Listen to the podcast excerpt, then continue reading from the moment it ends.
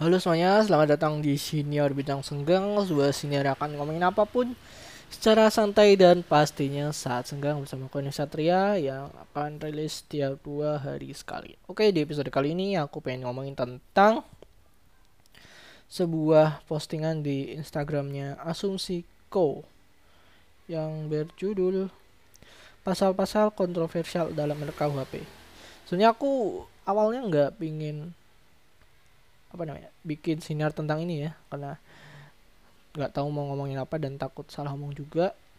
Tapi setelah aku biasanya kan kalau ada sebuah berita atau apa pun aku save di collection di Instagram untuk aku bikin siniar di kemudian hari. Nah ternyata ada save savean postingan ini. Ya udah daripada nganggur kita bahas aja kita baca itunya kali dulu ya caption dulu kayak Pemerintah telah resmi menyerahkan draft RKUHP ke DPR RI. Penyerahan itu dilakukan oleh Wamenkumham Edi Hiarits ke Komisi 3 DPR RI dalam rapat kerja yang berlangsung di Kompleks Parlemen Senayan, Jakarta, Rabu 6 Juli 2022. Berikut beberapa rangkuman pasal-pasal di dalam draft RKUHP yang memicu kontroversi ini. Di postingan ada 6 slide gambar Slide pertama, pasal-pasal kontroversial dalam RKUHP. Kedua, slide kedua. Pemerintah telah resmi menyerahkan draft RKUHP ke DPR RI. Draft RKUHP ini sempat membuat kontroversi. Imbasnya, berbagai elemen masyarakat ramai-ramai menolak pembahasan RKUHP dan melakukan aksi unjuk rasa. Lantas apa saja isi pasal-pasal kontroversial dalam RKUHP tersebut? Aja yang keren. Berikut pasal-pasal RKUHP yang memicu kontroversi. Yang pertama, Pasal 218 RUU KUHP menghina presiden atau wakil presiden di muka umum bisa dipenjara paling lama 3 tahun 6 bulan atau denda paling banyak kategori 4 200 juta. Sebenarnya nih gimana ya? Takut-takut juga sih ngebahas tentang presiden ini.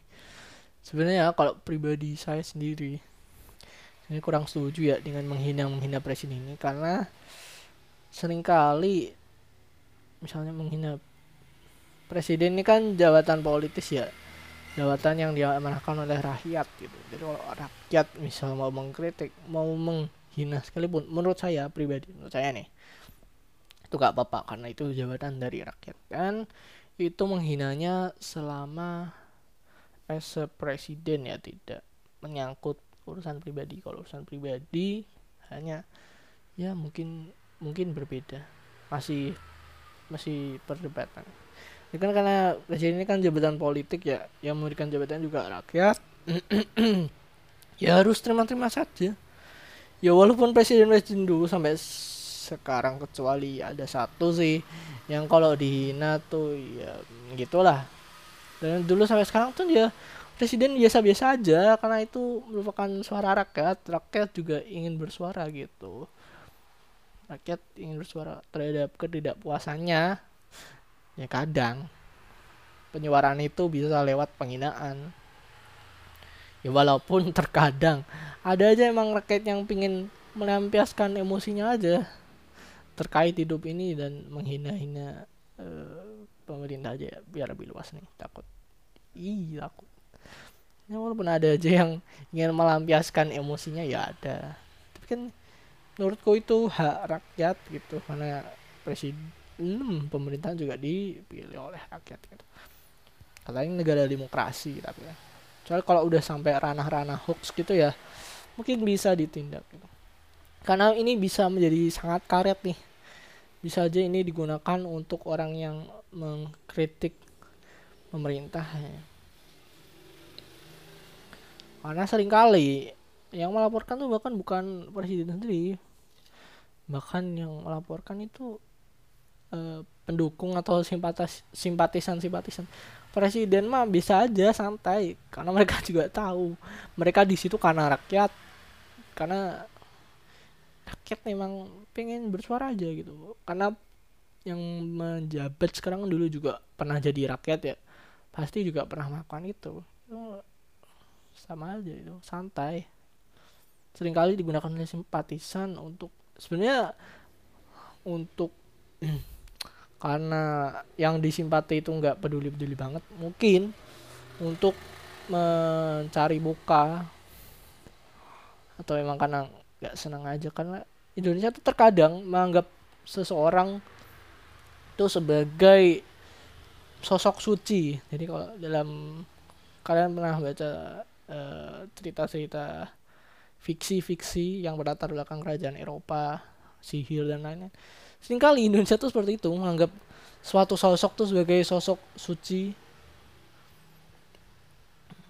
Sosok suci yang tidak pernah melakukan salah yang wajib diikuti. Enggak guys. Kita tuh pemerintahnya enggak enggak kerajaan seperti itu. Dan itu kan juga enggak berdasarkan ilmiah dan fakta ya masih sihir dan ketidakjelasan. Nah kita itu negaranya sifat demokrasi. Semua berhak berpendapat semua sama saja egaliter semua ber, berhak berpendapat dan nggak ada tuh manusia-manusia suci gitu. Semua bisa benar bisa bisa berbuat benar bisa berbuat salah gitu. Nggak selama yang yang selalu baik juga pernah salah yang selalu salah juga pernah berbuat baik. Itu sih. Nah itu orang Indonesia tuh masih sering terjebak pemikiran seperti itu. Kalau orang yang didukungnya itu ada sosok-sosok suci yang tidak pernah salah jadi mereka akan membela matian walaupun si sosok tersebut tuh tidak peduli ataupun sosok tersebut melakukan salah gitu. Nah ini yang cukup berbahaya ya. Karena walaupun udah semaju ini teknologi pendidikan juga udah cukup maju mereka masih menganut pola pikir seperti itu. Terus sih. Wah panjang juga ya penutup pasalnya ya gitulah kalian paham sendiri kan ya? Yang kedua pasal 252 RUU KHP setiap orang yang menyatakan dirinya mempunyai kekuatan goib baru ngomongin sihir udah langsung nyambung aja nih. Mempunyai kekuatan goib memberikan menawarkan atau memberikan bantuan jasa kepada orang lain bisa dipenjara paling lama satu tahun enam bulan atau delapan paling banyak kategori 4 200 ya. Nah ini menjadi ancaman bagi paranormal paranormal yang aktif di YouTube nih. Yang katanya bisa lihat setan terus bisa kirim santet dan lain-lain. Ini pasal ini akan mengancam profesi anda. Mempunyai kekuatan gaib anjir ya. Gimana ya? Kalau dari aku sih buat kekuatan gaib sih ada. Karena aku memiliki agama yang mempercaya itu dan kalau tanya ada ya ada. Cuman mempelajari juga enggak karena buat apa gitu. Karena setiap biasanya kekuatan goib itu memiliki konsekuensi gitu hmm, konsekuensi yang tentunya di luar nalar karena itu ilmu yang di luar nalar konsekuensinya juga pasti di luar nalar gitu nah ini bisa mengancam profesi Anda, para paranormal, dukun, dan lainnya yang Anda tidak susah untuk mendapatkan lapangan pekerjaan ya. Berikan bantuan jasa. Saya kalau menurutku apakah dukun itu uh, perlu ada di dunia ini? Jawabannya enggak. Tapi apakah akan selalu ada? Pasti ada karena akan ada akan selalu ada aja orang yang menggantungkan diri pada kekuatan-kekuatan tersebut karena kesulitan dalam karena kan kekuatan itu digunakan untuk menyelesaikan masalah ya. Nah, orang ini kesusahan dalam menyelesaikan masalah menggunakan metode yang real, yang logis dan ilmiah gitu. Jadi mereka menggunakan metode seperti akan selalu ada akan selalu ada orang yang mencari jalan pintas menggunakan ilmu akan selalu ada. Tapi apakah harus ada? Menurutku enggak. Eh tapi harus ada sih. Menurutku menurutku pribadi enggak. Menurutku enggak ada. Karena ini akan menghambat enggak menghambat juga sih.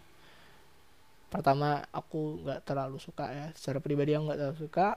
Itu udah agak kuno yang era tek, eranya teknologi. Tapi walaupun ada pun juga nggak apa-apa. Karena itu aku pernah bilang ya semua ini tuh bagian dari keseimbangan ya. Kalau kita emang suka banget dengan teknologi dan kemajuannya pasti akan ada aja orang yang suka dengan hal-hal tersebut mana itu mereka sepertinya nggak mungkin akan musnah gitu dari dunia karena ini itulah keseimbangan dunia akan selalu ada gitu. tapi kalau dari pribadi aku apa nggak udah saatnya nih kita melakukan lompatan maju dengan riset-riset teknologi daripada menaruh paku dalam kain dan tiba-tiba masuk ke perut orang? Udah saatnya nggak sih tapi ya kalau ada ya pun ya udahlah ya. Jadi apakah perlu dibuat pasal nih juga membuktikan kekuatan goibnya gimana nih? Apakah dia ada barcode-nya ada sidik jari atau gimana nih? Ini enggak kayak kripto yang bisa dilacak kripto dan blockchain. Ini mah gaib chain rantai yang goib nggak kelihatan siapa yang punya itu. Dan ngebuktiannya juga susah tidak empiris dan bentuk fisik. Lanjut. Pasal 277 RUKHP setiap orang yang membiarkan unggas ternaknya berjalan di kebun atau tanah milik orang lain bisa dipidana dan denda paling banyak kategori 2 10 juta nah tolong aku ya hidup di sebenarnya semi semi desa ini. Karena banyak sawah dan lain-lainnya.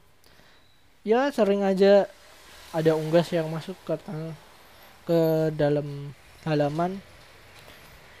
Itu biasa. Udah cukup mang. Itulah fungsinya pagar nih guys. Buat kalian nggak nggak mau hewan-hewan masuk ke rumah atau tanah atau halaman itulah gunanya pagar. Nah, iya yang agak nggak aku suka sih. Gasnya uh, pup di jalan sembarangan gitu. Jadi kita harus berhati-hati seperti ladang ranco harus menghindari pup satu persatu ya. Nah, kalau tidak dihindari akan terinjak dan baunya susah hilang. Tuh. Apa perlu? Kayaknya mungkin perlu nggak sih? Kalau di kota nggak ada ternak kayak ada sih ada yang melihara ternak di dalam kurungan gitu. Ya kalau ini kayaknya uh, mirip-mirip kayak di Amerika nggak sih soal mm, privasi dan privasi terhadap properti gitu? Apakah perlu? Nggak tahu juga sih. Pasal 281 RUKHP, setiap orang membuat gaduh dalam sidang pengadilan dan tidak pergi sesudah diperintahkan oleh hakim bisa dipenjara paling lama 6 bulan atau tidak paling banyak kategori 2 atau 10 juta. Daripada di penjara kan ya mending pergi mah pergi aja gitu, keluar makan nasi rames sama es teh. Hmm, langsung tenang gitu. Daripada marah-marah kan ya kena denda, kena penjara, keluar gitu, minum es teh. Slide kelima tadi nggak nyebutin ya berapa slide ke berapanya. Pasal 304 RUU KUHP, orang yang menghasut dengan maksud agar seseorang menjadi tidak beragama atau berkepercayaan yang dianut di Indonesia bisa dipenjara paling lama 2 tahun atau denda paling banyak di kategori 3 juta. Ini kayaknya tentang ateisme dan agno agnostikisme aja agnostikisme Orang yang menghasut dengan maksud agar seorang menjadi tidak beragama atau berkepercayaan. Atau ya, ini sering sekali menjadi problematika di sosial mengenai orang-orang yang yang tidak percaya Tuhan ataupun untuk memilih tidak beragama gitu. eh, tapi ini enggak enggak dibilang tentang tidak percaya Tuhan ya. Dan agnostik sih tidak beragama atau berkepercayaan ya kalau menurutku ah gimana ya? Agak susah nih ya sebenarnya ini terkait kebebasan individu ya. Anda mau beragama terserah anda. Anda mau tidak percaya Tuhan terserah anda. Karena buat mungkin buat yang beragam percaya bahwa semua itu akan ada konsekuensinya bukan? Dan yang tidak berkaitan mungkin semua itu nggak ada konsekuensinya. Ya itu perbedaan pendapat aja lah santai gitu. Asalkan saling menghargai gitu lah ya kita harus bisa uh, setuju untuk tidak setuju gitu. Saling menghormati. Karena kalau kita ingin kebebasan kita diakui ya kita juga harus mencoba untuk mengakui kebebasan orang lain gitu. Terkait tidak beragama ya emang nggak boleh ya orang tidak menganut agama yang ada di Indonesia atau kepercayaan gitu. Islam, Kristen, Katolik, Hindu, Buddha, Konghucu kepercayaan apa gitu. Emang ada ya kepercayaan yang di Indonesia? Kalau misalnya dia emang dia percaya Tuhan tapi dia nggak nggak nemu nih agama yang cocok dengan dia. Misalnya ritualnya atau kepercayaannya itu nggak boleh? Misalnya dia sangat filosofis menganggap Tuhan itu suatu entitas yang ada yang bisa berubah wujud entitasnya yang sangat sud hmm, yang yang yang tidak perlu digambarkan atau dia tidak ingin menggambarkan Tuhan seperti apa karena Tuhan itu ada dan di dalam hati. Masa ya nggak boleh berpendapat seperti itu dan tidak memilih agama satu apa apa atau misalnya ini canda aja nih. Ya ada yang cocok karena agamanya nggak hmm, nyembah Tuhan apa Tuhan di dalam game gitu kayak Laila atau Fanny di Mobile Legend dia nggak boleh menganggap Tuhannya Laili dan Fanny di Mobile Legend agak lucu juga sih nyembah karakter game. Ya.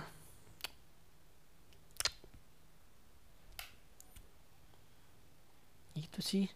Maksudnya kenapa masalah kepercayaan dan agama ini harus diatur juga gitu. Orang yang menghasut menghasut mah gimana ya? Kayaknya aneh banget gak sih situasi menghasut? Eh nggak usah. Beragama. Kalau saya ikut agama. Jadi kayak gue aja freelancer aja freelance freelance agama nggak tuh? Bisa masuk sana masuk sini. Itu sih. Nggak usah diatur lah. Mungkin menghasut. Menghasut kan sih maknanya negatif ya? Sangat merugikan apa sih yang dirugikan dari orang yang tidak beragama kadang orang yang beragama kelakuannya lebih orang yang katanya stigma terhadap orang tidak beragama. Aja itu kan tergantung pribadi masing-masing aja. Tuh. Pasal 412 RUU KUHP setiap orang yang secara terang-terangan mempertunjukkan menawarkan atau menunjukkan untuk dapat memperoleh alat pencegah kehamilan kepada anak bisa dipidana dan denda paling banyak satu juta. Memper menunjukkan menawarkan atau menunjukkan? Menunjukkan untuk dapat memperoleh alat pencegah kehamilan pada anak usia dipindah. Hmm. Oh, mungkin kayak kondom gitu ya. Kondom dikasihin ke anak gitu ya. Anaknya pingin penasaran pakai ini nak. Denda satu juta. Hmm. Sebenarnya ini cukup karet ya karena ini ada menunjukkan. Ini kan kalau edukasi seks mah nggak apa-apa menunjukkan oh ini loh ada kondom kalau misalnya kalian udah gede kalian bisa pakai ini untuk menjaga kehamilan dan mencegah penyakit menular seksual lainnya. Tapi ini menunjukkan kata menunjukkan ini cukup karet sih. Ter bisa digunakan untuk mencegah edukasi seks. Karena dikhawatirkan mereka yang khawatir nih edukasi seks mengajarkan anak untuk berbuat seks itu mah beda. Kita lanjut ya. Slide ke 6 pasal 416 siap orang yang melakukan hidup bersama sebagai suami istri di luar hidup bersama sebagai suami istri di luar perkawinan. Kumpul kebu bisa dipenjara paling lama 6 bulan atau denda 10 juta mungkin kalimatnya nggak pas kali ya. Setiap orang yang melakukan hidup bersama selayaknya suami istri. Walaupun bisa aja kan suami istri tidak hidup bersama karena long distance. Emang susah nih ya bahasa tuh dalam diinterpretasikannya beda-beda. Kumpul kebo ya. Nah ini akan mengancam bagi anda para kaum FWB FWB-an yang sering sekali mencari partner dan mangsa di Twitter buat kalian pecinta kadel-kadel cuddle terus buat kalian pasangan yang love language-nya physical physical apa sih? Physical touch. Physical touch. Physical response. Physical touch kayak buat kalian pasangan yang love language-nya physical touch ataupun staycation ataupun ah kalau namanya dua orang satu atap namanya apa ya? Tinggal bareng. Nah ini akan sangat mengancam untuk anda. Ya mungkin niatnya baik ya. Karena ini kan berhubungan dengan moral tapi kan kalau dari aku sih biarin lah setelah mereka gitu mau ngapain maksudnya?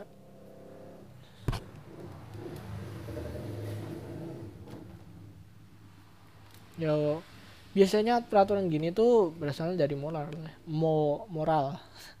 Dan karena kita itu negara yang moralnya kadang dibentuk oleh suatu kepercayaan nah, gue bilang kepercayaan apa pun itu ya yang menganggap bahwa sepasang pasangan suami seperti suami istri laki-laki perempuan itu tidak seharusnya untuk tinggal bersama tanpa ikatan perkawinan. Tahu tahu ini dari mana asalnya moralnya ini dari ya nilai kepercayaan. Tapi ya kalau dari menurutku ya terserah lah ya. Mungkin aku mencoba me, membahas dari dari sisi yang ini karena dikhawatirkan tidak sesuai moral. Terus kalau aku berpikir jauh nih hmm, uh, uh, tidak sesuai moral. Kalau aku mikirnya dari segi kesehatannya. Ada tidak ada perkawinan tidak ada kejelasan bisa saja dia bergonta ganti pasangan gitu bisa aja kan. Kan kalau tujuannya pernikahan tuh untuk setia sama satu pasangan aja. Nah kalau ini tanpa ikatan perkawinan bisa aja nggak setia dia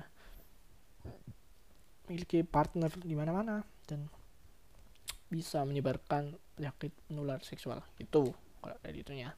Tapi kalau dari ininya ya biarinlah mereka uh, tinggal bersama. Emang kenapa sih? Kan selama tidak mengganggu tidak berbuat berisik kepada tetangga bayar pajak masa nggak boleh? Terus misalnya orangnya kesepian butuh temen biar misalnya dengan partnernya butuh partner daripada jauh-jauh tinggal bersama aja kan lebih gampang gitu. Atau mereka ingin memang rencanain menikah untuk latihan pernikahan dan berumah tangga mereka tinggal satu atap untuk latihan gitu. Jadi ada aku melihat dari dua sudut pandang nih. Ya semoga aja sih enggak ya. Karena ya itulah ya. Ntar nanti oh jadi kamu nah tidak mendukung moral immoral bejat. Nah capek juga lah. Terus yang terakhir nih dari pasal 429 setiap orang yang tidak memiliki tempat tinggal dan pekerjaan atau geladangan di jalan yang dapat mengganggu ketertiban umum bisa dipidana dan denda paling banyak satu juta nih. Kasian banget ya. Udah gelandangan nggak nggak punya kerjaan kena denda satu juta. Pidana bisa dipidana? Nggak ada pidananya. Satu juta aja udah nggak punya kerjaan kena denda satu juta. Kasihan sih seharusnya ya pemerintah bisa memfasilitasi dan mengayomi para gelandang atau homeless homeless ini lah ya. Itu kasihan sih. Lagi malam-malam lagi tidur di jalan udah dingin tiba-tiba dibilang pak pak pak anda kena denda satu juta. Karena aneh aja. Misalnya orang dapat satu juta ini kena denda satu juta nah gitu aja sih. Untuk episode kali ini. Dan aku coba searching di Google ternyata RKUHP ini nggak jadi disahkan gitu. Nggak jadi disahkan. Dan ya kita tunggu aja kelanjutan dari kisah RK RUU KUHP ini ke depannya nanti. Terima kasih. Semoga senior ini episode kali ini gimana aku agak takut sih kalau ngebahas undang-undang ini kan nggak jago tapi karena ini pendapat pribadi aku sebagai seorang citizen atau warga negara yang punya hak berpendapat ya udah aku kasih aja. Dan demi konten semuanya demi konten. Konten adalah segalanya. Itu sih. Jadi itu aja Terima kasih yang sudah mendengarkan. Kita bertemu lagi di episode selanjutnya dan btw aku ada Instagram dari Bincang Senggang yang namanya @bincang_senggang. Kalian bisa follow. Ya biasanya aku share link episodenya di situ. Terus buat kalian yang ingin dengerin tentang um, anime, manga dan pop culture Jepang, aku ada podcast yang namanya Second Man yang akan ngebahas hal-hal tersebut. Silahkan kalian bisa cari di Spotify ataupun platform streaming ya. Terima kasih dan sampai jumpa di episode selanjutnya. See you.